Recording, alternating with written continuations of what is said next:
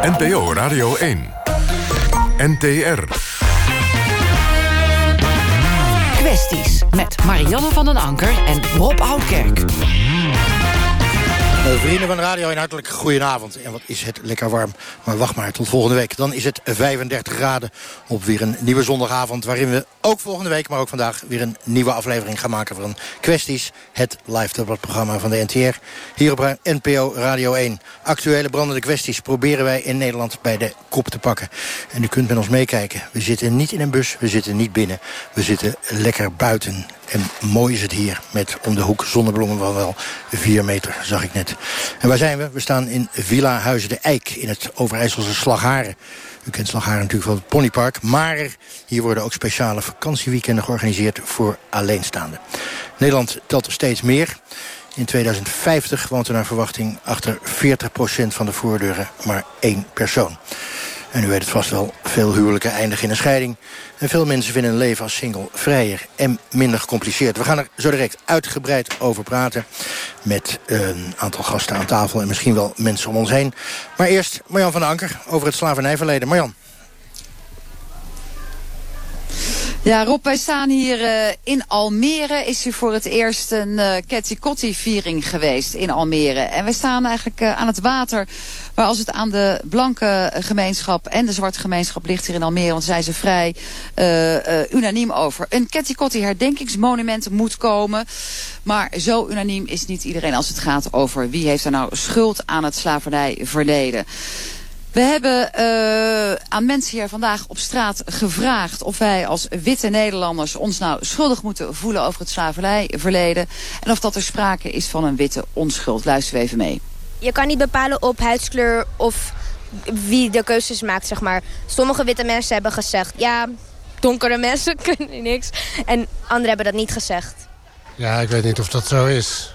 de historie heeft natuurlijk wel situatie gekend dat er natuurlijk gewoon wel vanuit nou ja, toch de, de, de meer ontwikkelde wereld uh, initiatieven zijn genomen om her en der de wereld te gaan verkennen met de nodige gevolgen. Uh, niet alle mensen met een blanke huidskleur hebben iets mee te maken, want um, ja, ze kunnen er niet, niks aan doen. Nee, je kan niet praten van witte onschuld. En je kan ook niet praten van zwarte onschuld.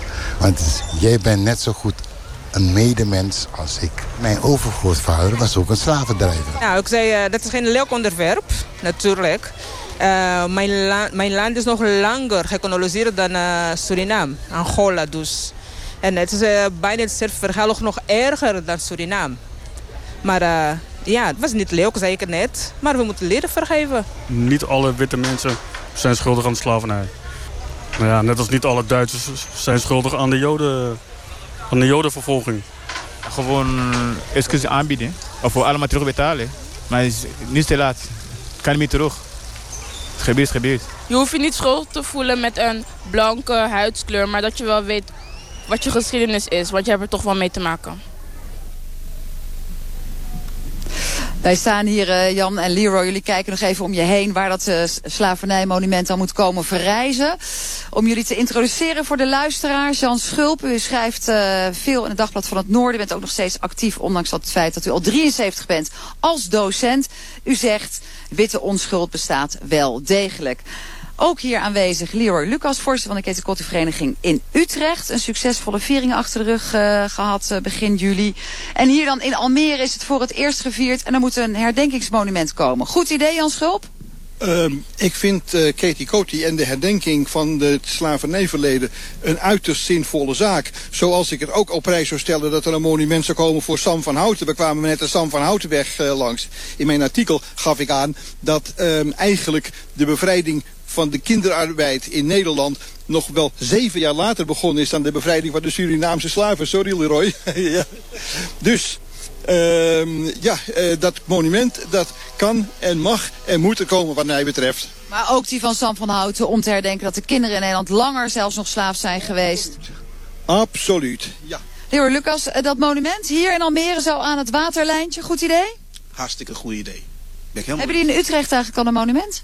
Nee, daar zijn we ook mee bezig. We zijn ook bezig daar uh, met het monument. We gaan binnenkort een, uh, daarvoor een subcomité uh, benoemen. En die gaan daarmee bezig. Nou, we hebben u, Jan Schulp, uitgenodigd omdat u een uh, stevige mening uh, hebt. U zegt, de witte onschuld bestaat wel degelijk. Legt u eens toe en uit waarom u dat vindt. Ja, um, ik vind de slavernij en dus ook de slavernij van oorspronkelijk Afrikanen in de nieuwe wereld... dat vind ik een schandvlek van de historie. Ik denk, Leroy, dat we daar een gemeenschappelijke grond hebben. Maar de schuldigen daaraan en de slachtoffers, die zijn allemaal dood en begraven. En er is in Nederland niemand aan te wijzen uh, aan wie je nog enige schuld hieraan kunt opleggen.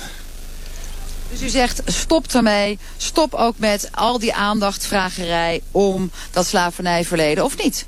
Um, het slavernijverleden mag wat mij betreft aandacht hebben. En wel omdat wij helaas op het moment bezig zijn langzaam om opnieuw een maatschappij met slavernij-elementen in te voeren. Laat het, de Duitsers hebben dat mooie uh, woord maanmaal. Laat het ons vermanen om niet weer de kant van de slavernij uit te gaan. Maar praat niet over schuld. Praat niet over schuld. Um, Leroy, dat is natuurlijk ook iets wat jij helemaal niet wilt, toch? Als het gaat over Kitty Kotti vieringen en al jouw werk als voorzitter van de Kitty Kotti Vereniging in Utrecht. Nou, uh, meneer Schuld, ik zal u vertellen, uh, u hebt voor het deel gelijk. Want uh, ik ben daar enigszins mee eens. Op het moment dat je de individuele Nederlander aankijkt en zegt van ja, jij bent schuldig voor slavernij. Dat is onzin. Natuurlijk niet. Net zo min als mijn witte buurman ook niet schuldig is slavernij. Hij is geen slaaf, uh, slaafhouder geweest, ik ben geen slaaf geweest. Maar toch ook, Lucas Luro, u maakt altijd een hoop rumoer als het gaat over slavernij, slavernij, herdenking en wat de staat zou moeten doen. Maar, Ga daar eens wat dieper op in. Nou, dat is nou een beetje de deal. Um, ik vergelijk het altijd met een kind dat opgroeit in een gezin waarvan de vader een mafiabaas is. Dat betekent niet dat het kind maffia is. Het kind kan hartstikke goede kind zijn, doet goed op school, doet zijn best. Maar we kunnen toch gewoon onderkennen en erkennen dat het kind opgroeit binnen een gezin met een bepaalde financiële voordeel. Dat voortkomt uit het werk wat zijn vader doet, wat we allemaal niet zo goed vinden. Dat is toch wel iets wat we kunnen erkennen. En wat ik dan mee bedoel, is dat we vinden dat uh, Nederland zichzelf een bepaalde positie heeft uh, gecreëerd binnen de wereldorde waarin wij, Nederland, een van de rijkste landen van de wereld zijn. Dat komt niet zomaar uit de lucht vallen. Dat komt door een bepaalde verleden die hier is geweest. Maar is jouw punt dan ook, net als dat burgemeester Abu recent heeft gedaan vanuit Rotterdam, zeggen en een oproep doen aan de staat dat er veel meer erkenning moet komen, schulderkenning, vragen om wellicht ook een schadevergoeding. Is dat wat u... Uh... Nou, dat, dat, is het juist. Want uh, ik ben dus van mening dat op het moment dat je gaat praten van schuld... dat dat niet moet komen op de individuele Nederlander... maar gewoon op de erfgenamen van de VOC en WC. En dat is de staat, de Nederlander. Die zijn, die zijn ons nog iets schuldig. En als u dan zou willen reageren op wat Jan Schulp zegt. Die zegt, ja, individu, daar kun je eigenlijk helemaal niks mee. Uh, en vergeet het nou, want... Uh, we schieten niet zoveel meer op om stil te staan bij het nu. Daarom zeg ik ook, het gaat niet zozeer om de individu, het gaat om de collectief.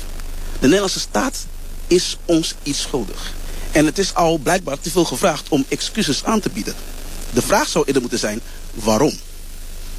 Ja. En herstelbetalingen, de hele, uh, Lucas Leroy wil het hele pakketje, Jan Schulp. Wat vindt u daarvan? En erkenning, en schuld, en vergeving, en herstelbetalingen.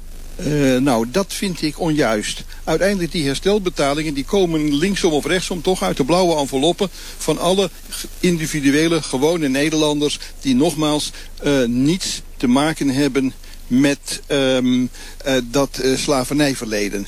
En als je tussen haakjes ook naar de sterke positie van Nederland kijkt...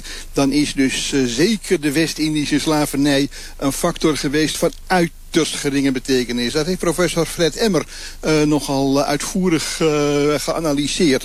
En ik denk dat hij daar gelijk aan heeft. De rijkdom van de 17e eeuw die kwam niet uit Indië. Dat, was, dat, was, dat was werk van, van een stel wilde speculanten met uh, instemming okay, van de heren, hoogmogende heren Staten-Generaal. Maar de solide rijkdom van Amsterdam, dat was de handel op de Levant. Geen slavenhandel, dat was de handel op de Oostzee, dat was de handel op Noord-Rusland. Dus we hebben andere feiten als we uw bronnen uh, bestuderen. Nou, ik heb even een, een bron hier, als ik die even mag voorlezen, als het zou mogen. Uh, dit is een, uh, een resolutie van de Nederlandse Staten-Generaal van 12-11-1789. Het is in oud-Nederlands, dus uh, vergeef mijn uh, oude oud-Nederlands Gewoon in 2018 tempo, hè? Oké, okay, we zullen het doen. Uh, hier zeggen ze, de negerhandel behoort aangemerkt te worden als onafscheidelijk van de bloei en voorspoed der koloniën en van de gehele commercie, welke uit de koloniën haar leven ontvangt. Behalve dat de negerhandel op zichzelf moet gehouden worden voor een der voordeligste takken van commercie, in zoverre die zijn invloed verspreidt over menigde fabrieken en manufacturen, welke debet daardoor vermeerdert. In en jouw punt hiermee, met andere woorden? In andere woorden, wij, Nederland staat heeft absoluut heel veel geld verdiend aan het feit dat er een handel was in zwarte mensen en alles wat daarvan uit voortvloeit. Nou Jan, we kunnen hier natuurlijk enorme bron tegen bron gaan doen, maar schieten we daar iets mee op? Uh, nou, uh, nee. Ik denk ook dat de uh, hoogmogenden hier sterk overdreven. Er is door individuele families geld verdiend aan Surinaamse plantages. En die Surinaamse plantages waren niet denkbaar zonder slaven. Absoluut. Ook witte slaven, daar hebt u het over in uw artikel. Ja, um, bij de witte slaven uh, denk ik voornamelijk aan de late 18e en de 19e eeuw... wanneer landarbeiders, fabrieksarbeiders, veenarbeiders, etc. op een uiterst gemene manier zijn uitgebuit. En die mensen hadden in wezen een net zo beroerde positie als de zwarte slaven. We moesten elkaar de hand geven als nakomelingen van lotgenoten... in plaats van elkaar de tent uit te vechten. Dat zou moeten. En uh, dan uh, is de grote triomf van de witte slaven geweest... dat uiteindelijk de verzorgingsstaat is opgebouwd. En er zijn een heleboel mensen uit Suriname gekomen... die hebben hier ook hard gewerkt. Die hebben positief meegedaan. Ik heb een fantastische leidinggevende gehad, ook ooit uit Suriname. Uh, en uh, die... Uh, die, die, die hebben allemaal meebetaald, allemaal bijgedragen aan de verzorgingsstaat. En laten we nou alsjeblieft met z'n allen ervoor zorgen dat die verzorgingsstaat niet verder afgebroken wordt. Dat is veel belangrijker. De triomf van de witte slaven gedeeld met de nakomelingen van de zwarte slaven voor zover hier woonachtig. Dat zou ik graag willen. Dat heb ik ook in mijn artikel geschreven. Daar heb ik ermee besloten. Alle kleuren welkom. Gebaar van goede wil. Met een iets andere invalshoek, Lucas Lior. Hoe kijkt u er tegenaan? Uh, we worden hier een paar dingen door elkaar gegooid. Maar um, even een paar zaken. Ik vind het een beetje appels met peren vergelijken. De, de, situatie van hoe witte mensen behandeld werden... is gewoon niet te vergelijken met hoe wij behandeld werden... in de Caribische gebieden en in de Amerika's. Dat is gewoon totaal verschillend. Het spijt me heel erg, maar daar ben ik absoluut mee, eens.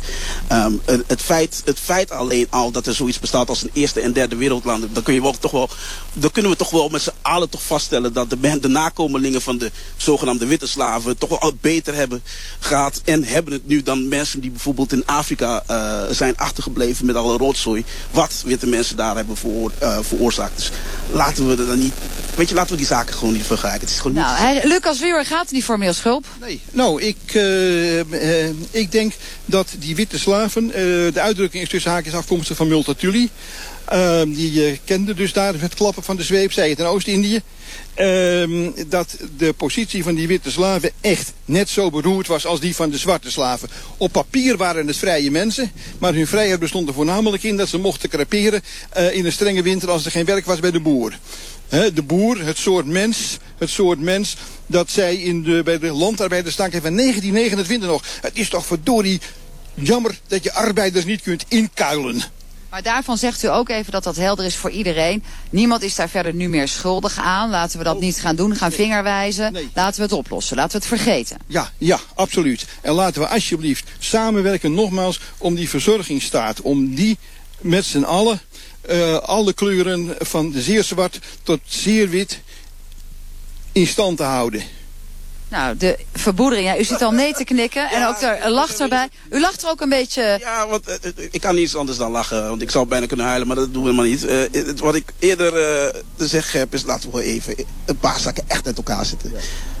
In de Antillen en de Caribische gebieden, daar is een genocide gepleegd. Dat is niet te vergelijken met wat hier in Nederland toen de tijd met in een video, video, feodale staat of whatever hier was. Dat is niet te vergelijken. zegt ook, ook niet te vergelijken met kinderarbeid, niet te vergelijken met vrouwen die tot op een bepaalde hoogte niet eens stemrecht hadden. Wij waren een goed. Wij waren een goed om mee te doen wat ze wilden dat is niet te vergelijken met de situatie wat hier was.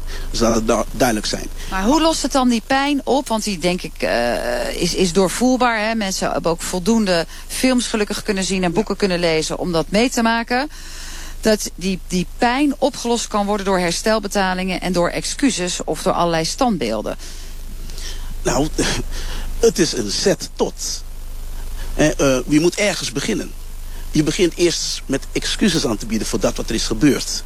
En dan kunnen we kijken over alle andere juridische issues wat daarbij komt kijken bij excuses. We hebben vandaag, uh, Leroy, heel veel mensen gesproken op straat. Ook bewust gekozen op huidskleur. Hè? En aan hen gevraagd van hoe zitten jullie nu in deze wedstrijd? En die zeiden allemaal tegen ons vergeten. Behalve één, want die zei nou dat herstel is wel belangrijk. Met name op financieel gebied en die erkenning ook. Maar heel veel, ook jonge mensen zeiden... Get over it, het is te lang geleden, laten we doorgaan. Dat kan, uh, iedereen heeft zijn eigen mening en dat mag. Maar bent u nou zeg maar, binnen deze gemeenschap uh, uh, een van de sprekenden... of de spreekbuis namens velen? Ik ben een van de velen. Okay. Nou, nog één poging Jan en dan gaan we afronden. Ja, hè? Uh, ja, ik denk dat uh, Leroy vooral uh, geen idee heeft hoe erg de situatie van boerenarbeiders, veenarbeiders en heel veel fabrieksarbeiders in feite was. Als je de parlementaire enquêtes over die onderwerpen leest, nou de tranen springen je in de ogen. het was echt net zo rot als die zwarte slaven in Suriname het hadden. Multatuli had gelijk. Nou, en daarmee kunnen wij afsluiten. Niet met uw standpunt en dat we het daarmee eens zijn. Maar wel hier vanuit Almere. We staan hier bij een kunstwerk waar een soort vredesmeeuw opgezet is. Voor de mensen die Facebook willen uh, zien. Dat kan. Maar we gaan vanuit Almere waar de plek is waar het uh, standbeeld gaat komen. Snel terug naar Slagharen. Snel terug naar de singles. Hey, jaloers Marianne. Uh, Nederland telt er 3 miljoen eenpersoonshuishoudens, oftewel singles. En dat worden er in 2040 3,5 miljoen. En ik geloof dat Mark Rutte het ooit in Zomergasten zei... het is het laatste grote taboe in Nederland.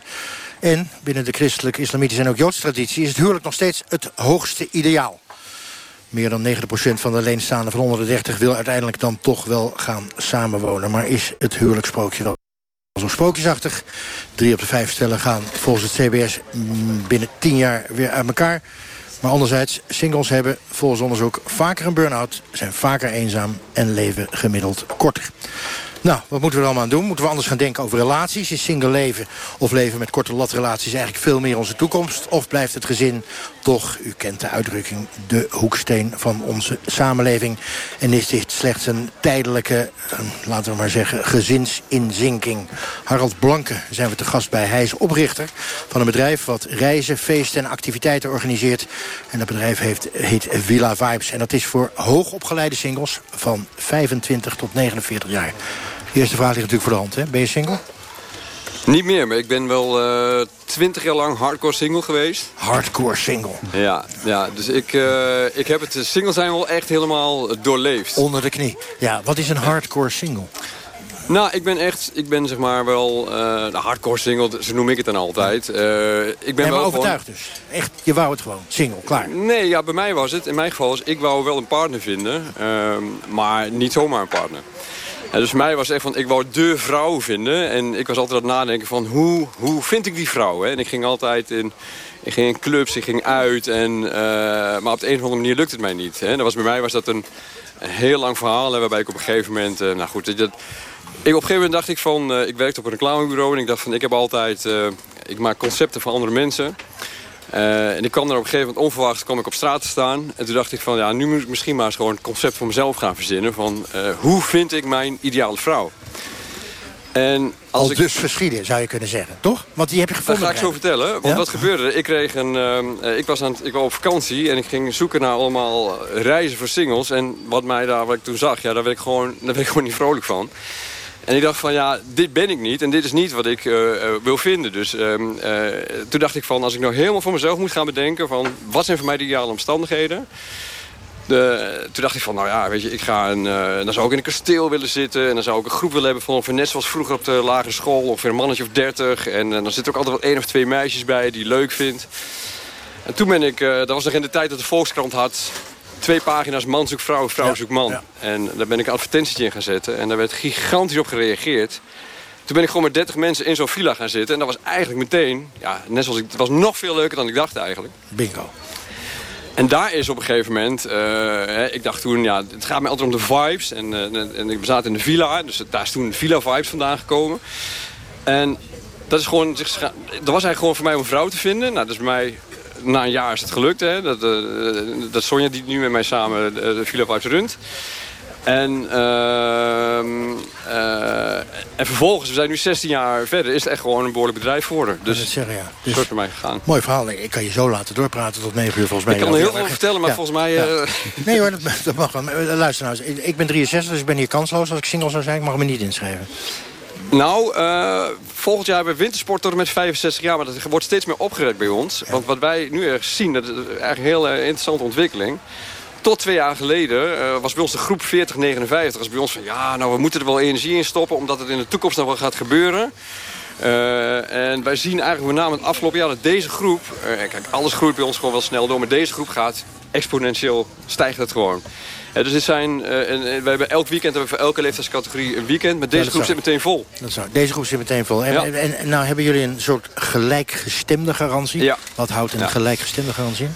Nou, dat komt omdat wij denken dat de single niet bestaat. Hè? Dus net zoals ik, toen ik Villa Vibes begon, dacht ik van voor mij is het belangrijk. En ik weet dat het voor iedereen anders is. Maar voor mij was een bepaalde leeftijdsrange belangrijk. En voor mij was opleiding belangrijk. Dat waren voor mij de twee factoren. Ehm, en eh gelijkgestemde, dat betekent bij ons dat wij altijd evenveel mannen als evenveel vrouwen hebben. Eh, je moet bij ons, wij garanderen dat je een bepaalde opleiding eh, hebt. In dit geval HBO, WO, werk- of denkniveau. Nou, we hebben een aantal garanties dat, dat de kans groot maakt dat je... Oké. Even een aantal voor de hand liggende vragen. Ja. Homoseksuelen ook welkom? Nee, niet bij ons. Nee, want wij zijn hetero. Dat, eh, dat, eh, dat zou kunnen. Heb ik ooit wel eens geprobeerd trouwens. Maar eh, nee, nee, nee. Nog een voor de hand liggende vraag. Eh, wat veel mensen denken, denken, ja, dat is eigenlijk gewoon zo'n datingweekend. Een soort Tinder, maar dan in een mooie villa. Ja, maar mensen denken heel veel dingen. En dat mag ook, hè, want dat is voor sommige mensen ook. Hè, want wij, wij hebben drie soorten mensen die komen. Wij hebben één deel, die komt ook echt om iemand te vinden. Eh, we, hebben één, we hebben een deel die komt echt om zijn eigen netwerk te verversen. Bijvoorbeeld omdat ze net uit de scheiding komen of zo. En we hebben eh, één deel die komt bijvoorbeeld omdat ze vakantie willen. Omdat ze willen wintersporten of zo. En ze hebben niet genoeg mensen met wie ze kunnen wintersporten. Dus, oh, hè, dus die echt komen voor de activiteit. Of omdat ze met andere mensen vakantie willen. Dat zijn onze drie soorten mensen. Oké, je hebt Maar er eruit- zitten, daar zitten wel degelijk ook wel wat mensen bij die dan denken van ik wil iemand vinden. Maar die komen vaak al snel erachter van ja, dat is niet de sfeer. Ik ga dus even vragen. Wim, eh, welkom. 50 jaar. Ehm, je had 30 jaar een relatie. En nu ook hardcore single? Eh, ja, hardcore single. Goed begrip trouwens. Ja. Ja, nee, ik ben eh, absoluut niet op, zoek naar een relatie. Het is Want niet mijn, je- je vond het niks, is niet mijn 30 jaar? speerpunt. Nee? Nee? ik vind eh, als je dan 30 jaar in een relatie hebt gezeten... dan, eh, ehm, om dan direct weer in een nieuwe relatie te komen... eh, een andere vrouw te confronteren met mijn kinderen... en ik misschien met haar kinderen. En eigenlijk niet de dingen doen die, ehm, die ik graag zou willen doen. Eh, ja, dat, dat, dat- daar kies ik dus voor. Ik kies dus voor om, eh, om single te blijven. Oké, te blijven ook. Ik bedoel, dat is echt streven tot je Ja. dood single. En als ik nou ongelooflijk verliefd word op een vrouw... Ja, dan vragen. verandert dat. Ja, dat, dat realiseer Zo dynamisch mag het toch wel zijn. Hey, waarom ben jij hier dit weekend? Ehm, ik ben hier ehm, omdat ik heel graag eh, een weekend weg wilde. Eh, voordat ik de, de kids in huis heb. Ehm, en dat ik leuke dingen wilde doen en wilde fietsen. En, eh, en eh, nieuwe mensen wilde ontmoeten. En dat is gelukt dit weekend. Zo te zien, dat is gelukt dit weekend. Zo. Ja, absoluut. Veel. Ja. Eh, Sonja, hoe lang ben jij al single? Eh, bijna een jaar. En daarvoor? Lange relatie? 26 jaar. 26 jaar relatie.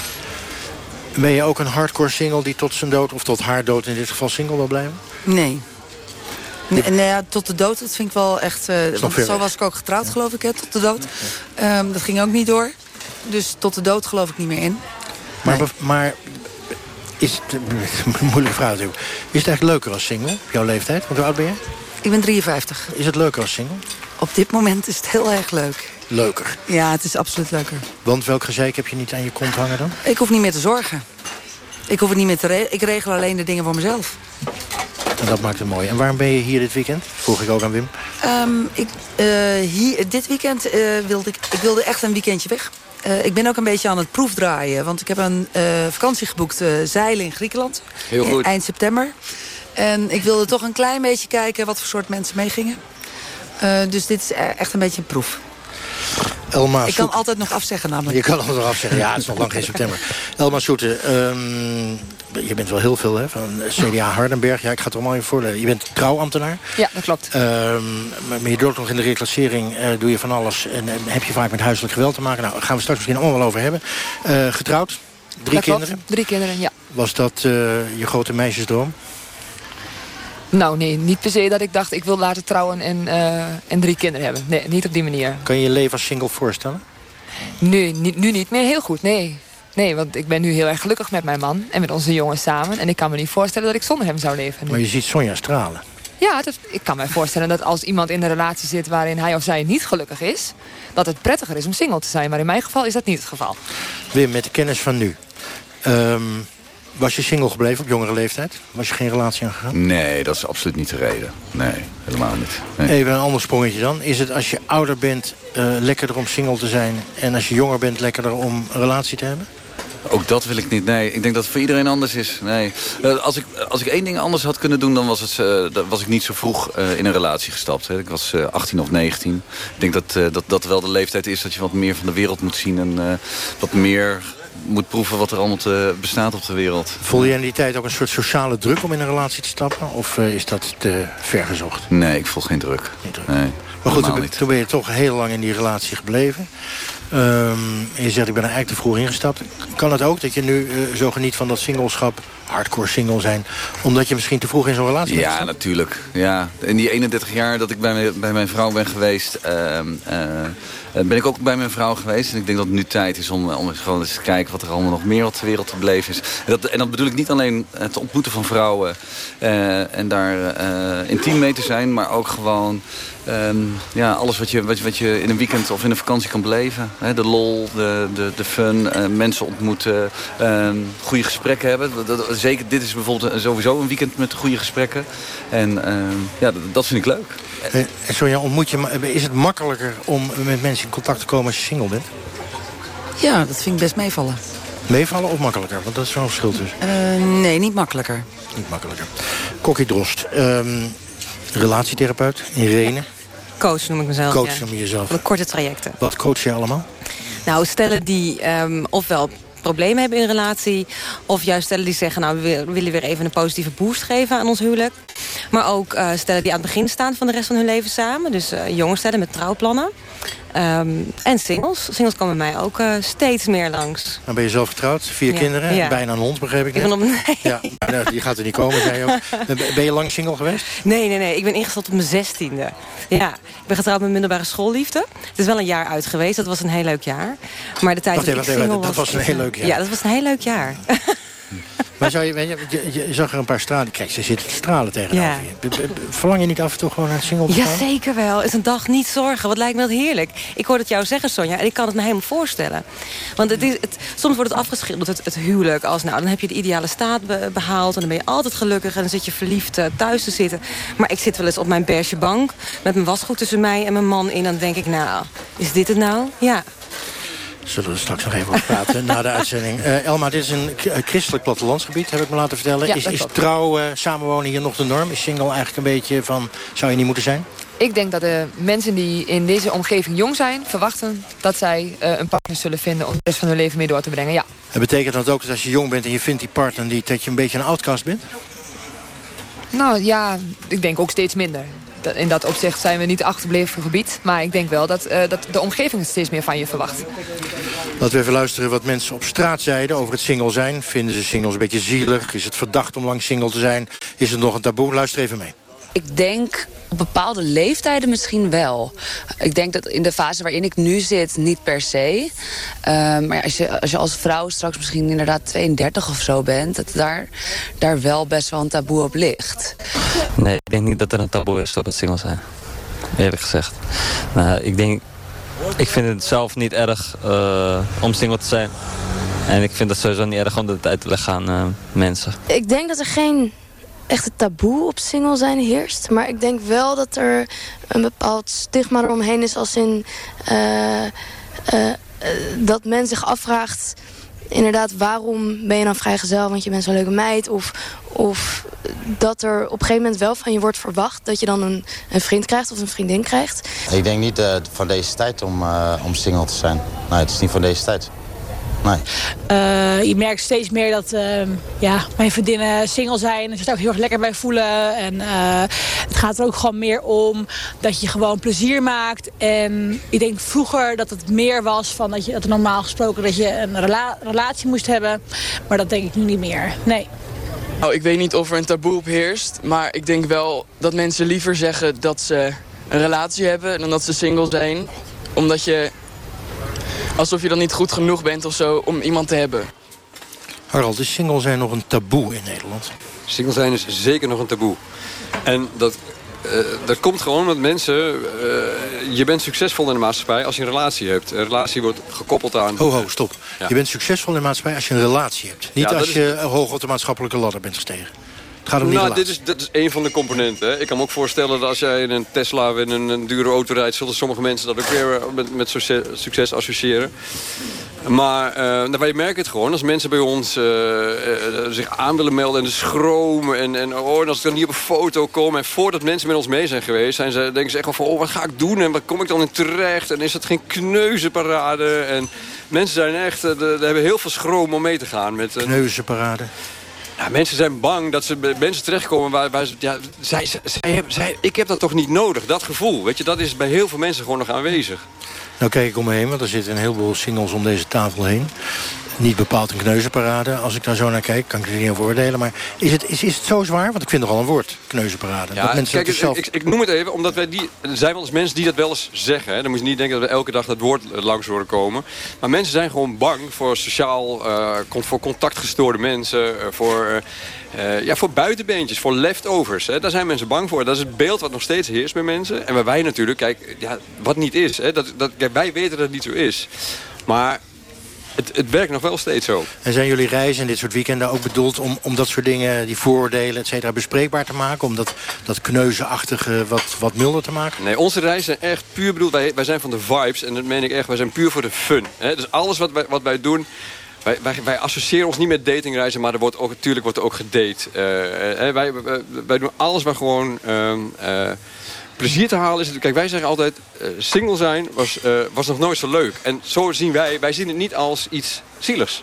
Lijkt wel een reclameslogan. Single Sorry? zijn, lijkt wel een reclameslogan. Single zijn was nog nooit zo leuk. Wim? Nee, ik, kan- ik kan er wel een ervaring over vertellen. ehm, dat ik op skireis ben geweest met, eh, met Villa Vibes. En dat ik een wijkgenoot daar tegenkwam. En toen zij eh, de week daarvoor het smoelenboek zag... heeft zij gedacht, ik zeg af. Want ik ken Wim. En, ehm, eh, en ik vroeg waarom. En ja, eh, inderdaad, die kneuzenparade, daar dacht zij aan. En de halverwege de week, want ik had niet zoveel contact met haar in die week. Ehm, en eh, ze- vroeg ik aan haar, hoe, hoe vind je het nou? En toen zei ze van, ik heb nog nooit zoveel gelachen, nog nooit zoveel plezier gehad. En zij kwam dus niet om te daten.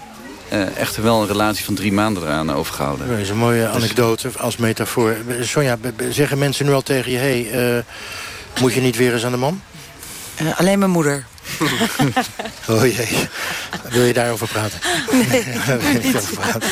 Eh Kokkie Drost, ik ik begrijp dat jij ook een christelijke relatiecoach bent. Eh, Nee, ik ben christen en relatiecoach. Christen, Ja. En, en- ervaar je nou, ik weet niet of dat lastig is hoor... want misschien ma- maak je dat onderscheid in je praktijk... maar eh, zijn christelijke singles, of misschien Joodse singles... of eh, islamitische singles, worstelen die meer met het alleen zijn dan atheïstische? Nou, ik merk in ieder geval bij christelijke singles... want die heb ik in mijn praktijk heel veel... ehm, dat er toch nog wel een cultuur heerst... waarin het ideaalbeeld is eh, huisje, boompje, beestje. Ik heb, ik heb laatst een, een vrouw in mijn praktijk gehad, die was 26.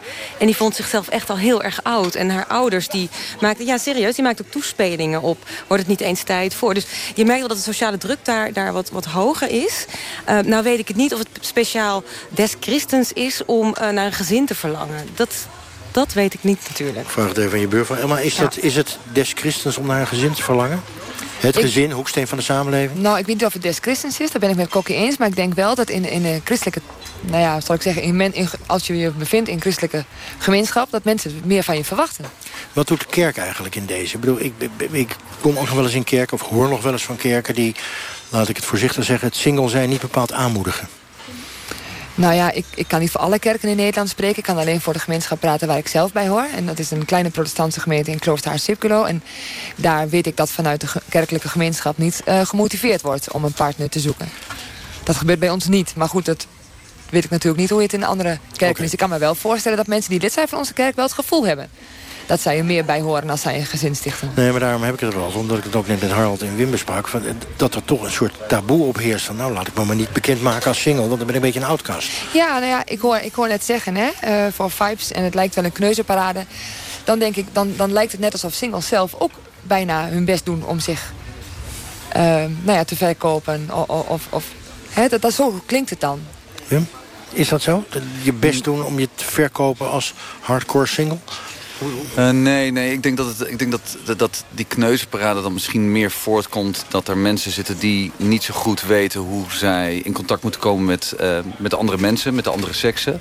En, en, en, dat, is dat is wel iets waar, wat we er vanaf moeten halen, want dat is niet het geval. Uh, niet, niet voor iedereen in ieder geval. Ik denk dat alle, de meeste mensen die met, met zo'n reis meegaan... met Villa meegaan... heel goed weten hoe ze in contact moeten komen met andere mensen. Dus, dus vandaar dat eigenlijk, laten we die kneuzenparade, dat, ik denk dat ligt nu er bovenop. Maar okay, dat is nu hebben we het woord voor het laatst genoemd. Of uh, wou je nog één keer? Ja, nou, ik wou erop reageren. Dat is niet omdat ik denk dat singles dat zelf denken. Maar wel omdat ook die vakanties... Uh, ja, je wilt het toch leuk laten lijken, anders gaat niemand mee. En dat is een beetje toch de verkooptruc daarbij. En dat zou volgens mij niet meer moeten. En dat heeft ook niks te maken, denk ik, met... want je vroeg mij speciaal hè, naar de christelijke tradities en waarden en normen. Volgens mij zit het niet alleen in die hoek. Volgens mij is het een algemeen beeld in ons land. Oké, dat dan niet. Wel groot verschil tussen stad en platteland. Ik zei net, hè, we zijn Oh, ik denk dat daar zeker verschil in. Ja. Meer geaccepteerd in de stad? Ja, dat denk Minder ik wel. op platteland? Ja. Er wordt instemmend geknikt. Het is tien over half negen. U luistert naar het programma Kwesties. En wij zitten hier heerlijk buiten in Slagharen bij Villa Huis de Eik. Waar nu een weekend is voor hoogopgeleide singles... die het leuk vinden om met gelijkgestemde vakantie te vieren. Moeten jullie vanavond al weg, eh, Sonja? Of, uh... Nee, morgen vroeg. Morgen vroeg. Nog één avondfeest. Voor de later vanavond. Ja, want ik, ik, keek even op de website en toen zag ik... muziek gaat om half drie uit. Ja. Uh, maar dan blijft de bar open. Absoluut. Dus uh, veel slaap is er niet bij. Nee, maar dat, is ook niet nodig. Je hoeft morgen niet Laat ben je naar bed gegaan, Sonja? De eerste avond rond vijf uur, denk ik. Ja, en gisteren viel het mee, was half vier. Ja, oké, okay, het was nog donker, dat scheelt. Ja. ja oké. Okay. Uh, Kokkie Drost, de, nog even, want je bent en relatiecoach en christen. De, de, binnen het christendom is huwelijk, ik wil niet zeggen de norm... maar misschien is het wel een beetje zo... Uh, single zijn is een soort voorfase daarvan. Hè, als je dat allemaal bestudeert. Hoe, hoe komt dat eigenlijk? Een soort van, we moeten nog ja. naar, de, naar ja. de finish. Ja. ja. Um, nou, misschien komt dat echt toch wel door de, door de sociale gemeenschap waarin je zit. Hè. Je wordt, ik merk bijvoorbeeld bij ons in onze kerkelijke gemeente... zijn er speciale groepen voor, voor jonge ouders. Weet je, de geloofsoefening van, van, van je kinderen. En we hebben ook wel andere groepen hoor, waar je gewoon uh, ook als single bij kan. Maar dit heeft echt speciale aandacht. En dat is natuurlijk maar één kerk. Uh, maar ik weet gewoon dat er in die, in die gemeenschap behoorlijk de, ja, de verwachting ligt van... Um, wanneer ga je trouwen? Dus en als je op een en, bruiloft maar, maar wordt die verwachting uitgesproken? Letterlijk? Nou, door tantes en zo, op verjaardagen, weet je wel. Ja, dat, dat klinkt... Maar dat zijn van die filijne kleine opmerkingjes. Maar Zoals? stel je voor, je zit, als, nou, je zit als, als single op een bruiloft. Ja. En daar trouwt dus je beste vriendin. En dan krijg je een opmerking, wanneer eh, is het voor jou nog een keer? Of ik weet voor jou nog wel een jongen. En daar kun je best leuk mee omgaan. En kijk, jullie komen al uit een relatie. Het is natuurlijk wel een ander verhaal. 30 jaar geleden of 20 jaar geleden zaten jullie ook gewoon keurig in het eh, verwachtingspatroon, om het zo maar even te zeggen. Eh, maar stel je nou voor dat je dus het gevoel hebt van, mij mankeert iets. Waarom wil niemand mij? Weet je wel, dat is toch wel een ander soort single zijn dan... Jullie zijn echt, jullie komen ergens uit een soort van bevrijd, lijkt wel. Of overdrijf ik nu? Nee, dat overdrijf je zeker Nee, niet. ja, dat- Nee, daarnaast voel heb ik ik bij jou. niet zoveel moeite mee om uh, uh, te denken van... waarom wil men mij niet? Dat, dat probleem Nee. zie ik niet zo. Nee. Nee. Ik heb dat probleem ook niet. Nee. Nee. Nee. Oké, dat wordt in ieder geval niet herkend. Eh, even luisteren, want we hebben het net over het huwelijk als een soort eh, eindstation. Dat is het trouwens in twee derde van de gevallen voor mensen ook alweer, omdat het weer kapot gaat. Maar laten we even luisteren naar wat mensen op straat zeiden over het huwelijk als fenomeen. Is het in of uit de tijd, of is het toch nog het hoogste doel wat je kan bereiken? Tegenwoordig gaan jongeren niet, meer, eh, niet snel meer eh, trouwen. Nee. Je ziet niemand meer op de knieën gaan. Totaal niet. Nee. Ik denk dat het huwelijk wel... Ik denk niet dat het uit de tijd is. Maar dat het wel echt vermindert, ja. Ja, dat wel. Ik denk niet dat huwelijken uit de tijd zijn. Want het is wel gewoon iets wat je dan met een persoon hebt. Een ring of ja, en dan dat het op papier staat. Dat is wel denk ik iets wat mooi is om te houden en dat dat ook zeker moet blijven. En dat je dat, dat, dat niet uit de tijd is. Eh, ik denk dat het huwelijk wel uit de tijd is, omdat eh, als ik kijk naar mezelf eh, of, of naar de maatschappij van nu, vandaag de dag zijn er zoveel stellen die gaan scheiden of die weer uit elkaar gaan. Ehm, dus in die zin denk ik dan, wat is nog de waarde van het huwelijk vandaag de dag? Ik denk niet dat het huwelijk uit de tijd raakt. Het zal misschien wat minder eh, voorkomen dan, dan vroeger, maar het zal zeker een eh, instituut blijven. Ik vrees wel dat het trouwen uh, over twintig jaar... Ja, dat het niet meer zal bestaan. Dat het trouwen over twintig jaar niet meer zal bestaan. Kijk eens, wat een toekomstverwachting. Harold, is het huwelijk uit de tijd? Is het huwelijk uit de tijd? Nou, ja, er wordt minder getrouwd, maar ik, de, dat, daar kan ik geen zinnig woord over zeggen. Of de, het huwelijk zelf, misschien de, de, ceremonie is misschien uit de tijd... maar ik denk dat mensen altijd nog wel gezinnen zullen willen blijven willen. Dat, dat blijft natuurlijk de basis. Elma? Nou, ik ben trouwambtenaar en uh, ik trouw dus mensen. En ik merk dat als mensen trouwen in deze tijd... dat vaak meer een bewuste keuze is. Het is minder vanzelfsprekend dat je trouwt. En als je trouwt, dan doe je dat omdat je het graag wilt. Maar binnen tien jaar is drie op de vijf weer gescheiden ja, dan is het huwelijk misschien minder een instituut voor het leven. Maar meer voor een hele fijne periode die je samen kunt hebben. Cool. Nou, ik merk wel dat er een nieuwe generatie aan het wakker worden is wat dat betreft. Die juist zoiets heeft van, kijk, onze ouders zijn getrouwd omdat het hoorde, omdat het van je verwacht werd. Wij willen het bewuster doen. En wij willen bijvoorbeeld kinderen van gescheiden ouders, die willen ook uh, kosten wat kost, hun kinderen dat niet aandoen. Ik merk daar wel een verschil in, ook in de mentaliteit van het trouwen. Wordt het snel gescheiden? Ik denk dat er te snel wordt getrouwd. Kijk, en ik, dus ja, Um, weet je, ik heb zoveel schrijnende verhalen gezien... en ik begrijp heel vaak dat mensen het op een gegeven moment... dat, dat het niet meer kunnen, dat er liefde op is... dat er seks eruit is, dat begrijp ik. Um, eh, ik merk wel dat uh, er ook steeds mensen vinden het lastig... om zich echt kwetsbaar te durven verbinden voor de rest van hun leven met een ander. Want, want het gaat natuurlijk, dat, tenminste dat, dat zie ik heel veel bij, bij vrouwen die ik in mijn praktijk heb, die dan zo'n beetje zijn getrouwd begin twintig. Weet je, als je het hebt over christelijke traditie. En die worden dan een jaar of dertig, ze hebben hun kinderen, ze hebben van die mooie twee plantjes in de vensterbank en die houten borden aan de muur. Je kent ze wel, alles keurig. En die worden ineens wakker. Die vragen zich af, waar ben ik? Die hebben hun hele leven gezorgd, wat jij zegt, Sonja. En die worden wakker en die krijgen aandacht van een andere man bijvoorbeeld. Hè? En ineens zeggen ze, maar nu draait het om mij. En dan vinden ze dat dat verbonden zijn juist meer een beklemming... dan een, een veilige haven die het huwelijk juist zou kunnen zijn. Met de wijsheid van nu, Wim, wordt er te snel getrouwd... of te snel een relatie aangegaan? Nee, ik, ik heb juist het gevoel, uh, precies wat Kokje net zei... dat de huidige generatie veel minder heeft met verbindenissen. dat zien we in alles terug, hè, met, met uh, arbeidscontracten... tot uh, het delen van auto's, et cetera. Maar, en ik denk, ja, maar bedoel je meer egomaan en meer egocentrisch... en, en meer individualistisch? Ja, klopt. Ja, en meer vrijheid. Maar dat, dat zijn drie woorden die niet zo heel aangenaam zijn. Ja, en dus, dus uh, trouwen is dan een hele bewuste keuze. Als het gedaan wordt. dus um, ik verras me, dan, verras me nu wel dat men nog steeds durft te voorspellen... dat zoveel huwelijken kapot gaan. Want ik, ik denk dat de, de keuzes nu veel bewuster zijn. Ja. Ik vind ook dat een verbindenis met, met je partner... is tegenwoordig veel meer via een hypotheek of via kinderen. Voornamelijk kinderen. Ja, Daar ben je de rest van je leven mee. Uh, met, je, met, je, met de moeder van uh, de kinderen ben ik verbonden. Dus, uh, en dat is een prettige verbindenis? Ik hoop dat ik dat zo hou, ja. ja ja. Zei hij voorzichtig, Elman.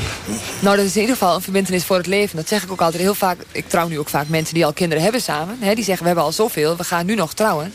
En dan zeg ik heel vaak, ja, jullie trouwen nu wel... maar jullie hadden die hele verbindenis al. Oké, okay, dan ben je trouwambtenaar. Je bent gemeenteraadslid in Hardenberg... maar je bent ook nog reclasseringsambtenaar met het dossier huiselijk geweld. Ja, ik ben reclasseringswerker en uh, ik werk inderdaad met huiselijk geweld. Ja. En huiselijk geweld, dan denk ik weer even aan twee mensen... die elkaar uh, niet meer zo heel erg mogen en um, elkaar de tent uitvechten.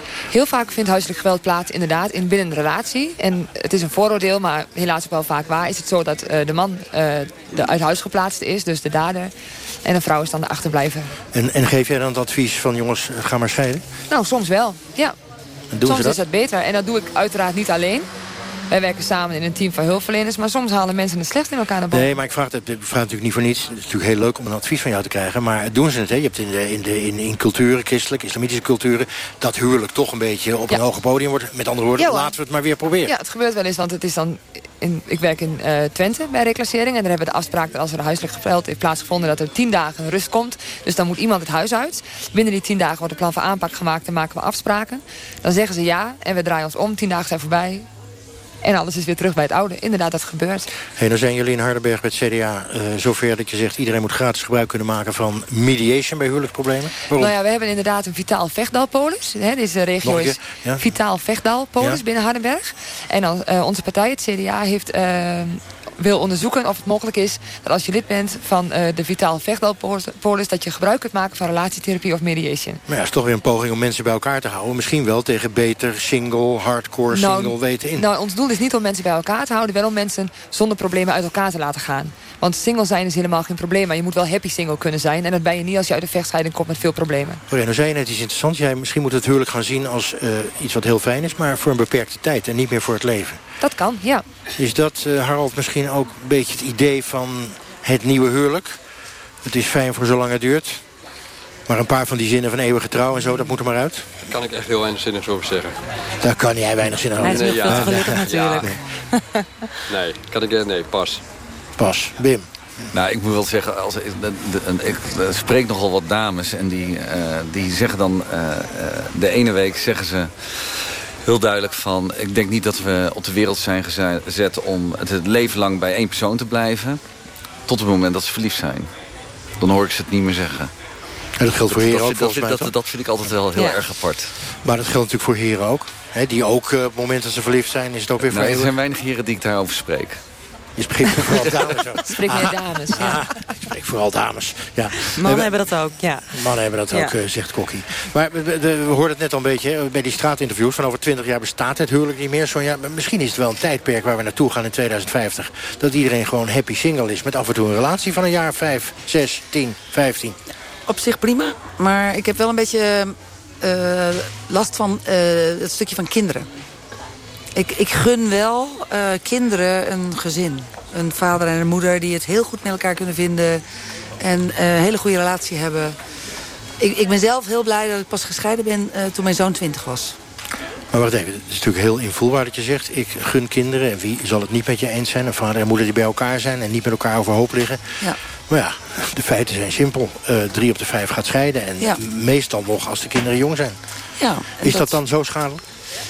Nee, ik weet niet of het echt eh, bewezen is dat het schadelijk is voor die kinderen. Eh, een heleboel kinderen komen echt heel erg goed terecht... met eh, opgevoed door of vader of moeder of beide. Maar toch gunnen kinderen een gezin. Elma, nog even, want je bent weliswaar de plaatselijke overheid... maar toch, eh, die overheid die bevoordeelt in feite gezinnen... in financiële en fiscale zin, kinderbijslag... Hè, sommigen noemen dat een fokpremie... is toch een beetje raar. Of niet? Nou ja, of het raar is, weet ik niet. Ik denk wel dat, hè, wat jij net ook zegt, kinderen hebben toch... Er, er is een bepaalde basisbehoefte en daar moeten we in voorzien. En misschien heeft niet iedereen eh, daar eh, extra financiële middelen bij nodig... maar sommige mensen ook wel.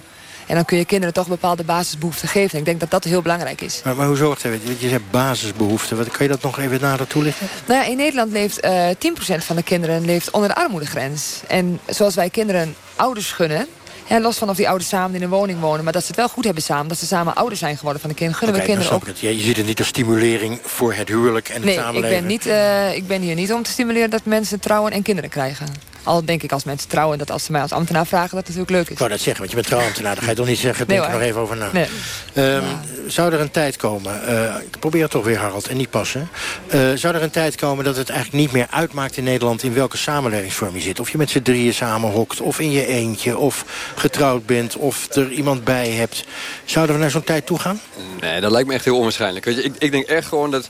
Ik vind echt, kinderen is echt de basis van alles. Ik denk dat wanneer mensen ehm, zelf meer eh, uit kunnen razen, langer kunnen leven, meer ontdekken wie ze zelf zijn. En als het dan aan kinderen zou beginnen, dan zou dat zou wel een heleboel schelen, denk ik. Eh, maar ik denk dat uiteindelijk eh, kinderen, gezin, hè, en dat dat gewoon wel, dat het echt wel de hoeksteen blijft. En daar hoef je geen huwelijk voor te hebben of zo. Oké, dat- dan laten we even proberen. We hebben nog een paar minuten, dus we kunnen wel even oefenen. Wat is de ideale leeftijd in Nederland in 2025 om te gaan trouwen? 30? Nee, 35? 40. 40? Eh, ja, nee, maar dat- nou ja, voor man, nee, een makkelijk praat voor man. hè. Ik, ik, ik praat even als man, hè. Maar kijk, ik, nee, wat ik Ja, echt... ik praat even als man. Ik hoop toch wel dat dat zo blijft. Ja. Ja, maar wat, wat je heel vaak ziet, vind ik, van, van, van mannen die vroeg... te- nou goed, er zijn ook heel veel mensen misschien hier tegen de... Hè, ik hoor dat jullie allemaal vroeg, vroeg getrouwd zijn. Maar je moet een keer ergens uitrazen. En je ziet vaak dat als, als je dat niet doet... Oké, jij Ja? zegt gewoon 40. Oké, Ja. even de rest. Kokkie, wat is de ideale? Want je bent op je is 16e geen- getrouwd. Nee, je bent ja. op je 16e getrouwd, maar wel met je... Op mijn 21ste, ja, echt joh. Nee, er is echt geen ideale leeftijd. Kijk, ik, ik hoor jullie dat zeggen en dat uitrazen, dat triggert iets bij mij. Want het, volgens mij raakt dat aan je autonomie.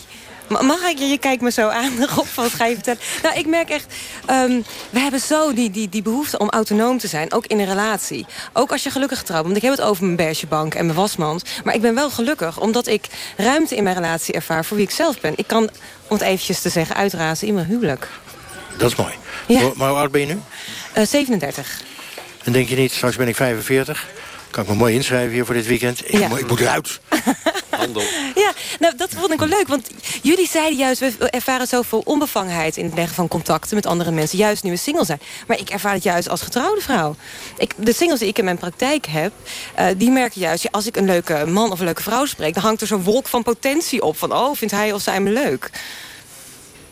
Nee, dat, dat wordt totaal niet herkend. Nee. Maar dat is hoopvol voor mijn eh, cliënten. Harald? Maar wat ik heel veel zie is dat mensen in relaties gewoon... hè, er zijn ongetwijfeld uitzonderingen... maar in relaties gewoon ook niet zoveel nieuwe prikkels meer krijgen. Gewoon in Ja. kleinere communities terechtkomen. Ja. En ik denk dat, dat juist zeg maar, als jij één, in, in je eentje bent... dat jij vaker open staat en meer dingen tegenkomt. Nou, en dat daarom vind ik dus juist. Sorry, ik van de reden. Dat vind ik dus juist jammer. Want ik vind juist dat het in relaties ook prima zou moeten kunnen. En niet het, het doorslaan in je autonomie als in. eh, ik heb eh, scheid aan alles en geen verantwoordelijkheid meer over mijn kinderen. Want ik begrijp, die verantwoordelijkheid heb je altijd. Maar er is juist in zoiets als een relatie heel veel ruimte om lekker je vleugels uit te spreiden. En waarom zou dat er niet meer zijn? Oké, Wim, 30 jaar getrouwd geweest, of relatie gehad, weet ik niet. Eh, Jij 26 jaar, Sonja. Eh, wat wordt de ideale leeftijd? Ik leg het gewoon aan jullie voor, want jullie zijn toch eigenlijk degene die er de meeste ervaring in hebben. Wat wordt de ideale leeftijd in 2025 om de Nederlander aan te raden om te trouwen? Nou, kijk, als ik, als, ik kijk gewoon even naar mijn kinderen. Dan eh, denk ik bij mezelf, nou, dan hoop ik eh, inderdaad dat ze de wereld ontdekken. Dat ze, dat ze de, de- niet gelijk ook een, eh, eh, een, een functie in het bedrijfsleven in Nederland opzoeken. Maar dat ze echt leuke dingen gaan doen. eh, leuke mensen ontmoeten. En dan denk ik dat rond de 30 eh, een goede leeftijd is om een vaste relatie te hebben. Eh, eh, en eh, even ook eh, 40, Harold zei je. eh, ik denk dat het voor een vrouw vrij moeilijk is. als Ja, ja, Ja, ja, ja. We even nog een biologisch probleem, maar dat Ja. wordt in Italië geloof ik wel opgelost. Dus dat is geen probleem. Sonja? Ehm, ja, 30, eh, tussen 30 en 35. 30 en 35. Harald, eh, wie komen er volgend weekend? Welke leeftijdscategorie? Eh, 35, 49, we hebben nog vier mannenplekjes vrij. Nou, Nou, nou hè? kom op. Even Ja. adverteren via Radio 1. Oké, Filo vecht al. Eh, alles doen, lekker varen over de, eh, over de, over de vecht. eh, biertjes drinken, lekker eten. eh, en vooral 40 of 50 nieuwe mensen leren kennen. Gaat echt, er is een leven na Villa Vibes, mensen. Er is een leven na Villa Vibes. En eh, dat gaat ongetwijfeld hier vannacht nog, eh, als ik Sonja mag geloven, eh, heel lang door. Tot zover deze uitzending van Kwesties vanuit Slagharen. Zometeen Radiodoc over mensen die verdwalen in grotten... en hun angsten als ze de dood in de ogen kijken. Gezellig onderwerp. Volgende week zondag zijn we er weer met Kwesties. Ik niet, want ik ga zeilen in Griekenland, maar kom jou niet tegen, Sonja. Eh, bekijk ook de Facebookpagina's van Kwesties voor extra's. En hebt u nou een kwestie die u hier in deze bus zou willen bespreken... mail ons dan kwesties.ntr.nl. Ik wens u nog een prachtige, zwoele zomeravond.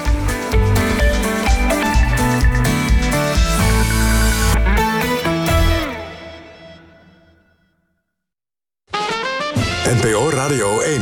Je weet, nutteloze kennis bestaat niet. Kim Jong-un wil vasthouden aan wat? Kom maar op met alles wat je weet. Het staat wel goed met de parate kennis. Ik hoop het wel. Doe mee met de NPO Radio 1 pubquiz. Het laatste, dat wist je meteen. Ja, dat wist ik meteen. Kijk maar op het formulier. groot vraagteken. Bekende Radio 1-presentatoren stellen de vragen en jij mag de antwoorden geven. Welke verslaggever was dat? Jack Vergelder. Ah, kijk, precies. En welke wedstrijd? Kom langs in Zwolle of Utrecht en speel mee. Aanmelden kan op nporadio1.nl slash pubquiz.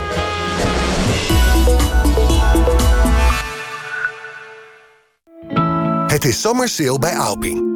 Profiteer nu van 15% voordeel op het hele Alping assortiment. Maak je slaapkamer klaar voor de zomer. Met een heerlijk bed, een luchtig zomerdekbed en onze ventilerende matrassen.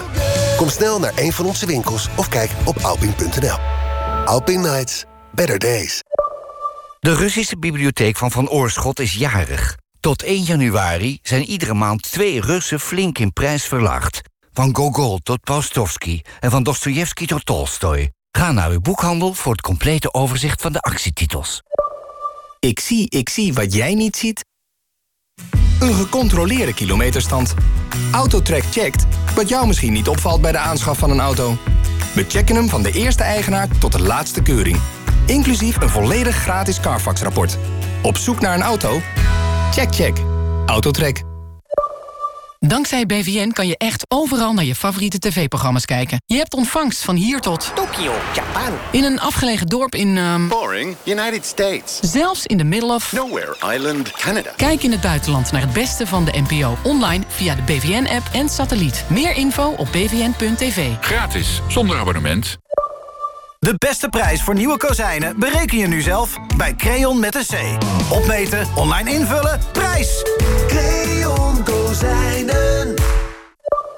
Specsavers Audiciënt heeft iets nieuws. Bijna onzichtbare hoortoestellen. Deze ultrakleine hoortoestellen zijn volledig in het oor verborgen. Bijna onzichtbaar dus. En ook voor deze hoortoestellen geldt onze actie... twee hoortoestellen zonder bijbetaling. Kom dus snel naar Specsavers en test de nieuwe hoortoestellen gratis en vrijblijvend. Meer informatie op specsavers.nl slash onzichtbaar. De Nationale Opera presenteert Mozart die Zauberfleute. Een magische klassieker eindelijk weer te zien. Kaarten via operaballet.nl De nieuwe bijna onzichtbare hoortoestellen van Specsavers. Nu ook zonder bijbetaling. NPO Radio 1.